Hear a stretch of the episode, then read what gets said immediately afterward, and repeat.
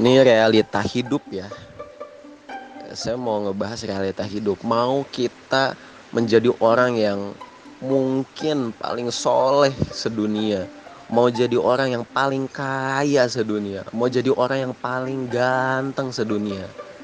Semua itu, walaupun kita punya itu, pasti ada aja orang yang gak suka sama kita. Kita jadi orang soleh, orang yang gak soleh, gak suka sama kita kita jadi orang ganteng yang jelek ngiri. Kita jadi orang kaya ya di situ banyak yang mau nipu. Apa pun di dunia ini keadaan apa pun pasti akan ada yang gak suka sama kita. Ya udah jadi ibaratnya selama uh, kita sendiri nggak berbuat buruk gitu ya. Jadi dibenci itu ya eh, nggak uh, usah jadi nggak usah jadi halangan gitu.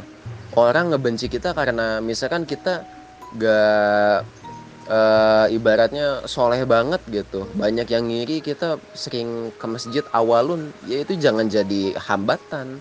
Tapi kalau misalkan orang benci kita dalam keburukan justru itu kita jadi harus berpikir. Ibaratnya mungkin di situ orang-orang ngejauhin kita karena mungkin kita naudzubillahi min dalik gitu ya banyak belaga, banyak melanggar di pondok sampai di situ uh, berani ninggalin pondok malah uh, main game online ke warnet dan lain sebagainya atau naudzubillah min sampai ngerokok. Orang-orang tahu dan ngejauhin justru itu malah jadi pecutan kita dan harusnya mikir di situ. Ya jadi uh, dibenci itu hal yang lumrah sih dalam kehidupan yang gak hanya di pondok di dunia luar pun. Mau dari kita kecil sampai tua pun pasti ada yang seperti itu. Ada yang gak suka ya itu wajar manusiawi gitu. Karena manusia itu beda-beda nggak bisa kita nggak nuntut semua orang itu suka tuh nggak bisa. Ya itu realita hidup ya kalau misalkan kita mau ngebahas ke situ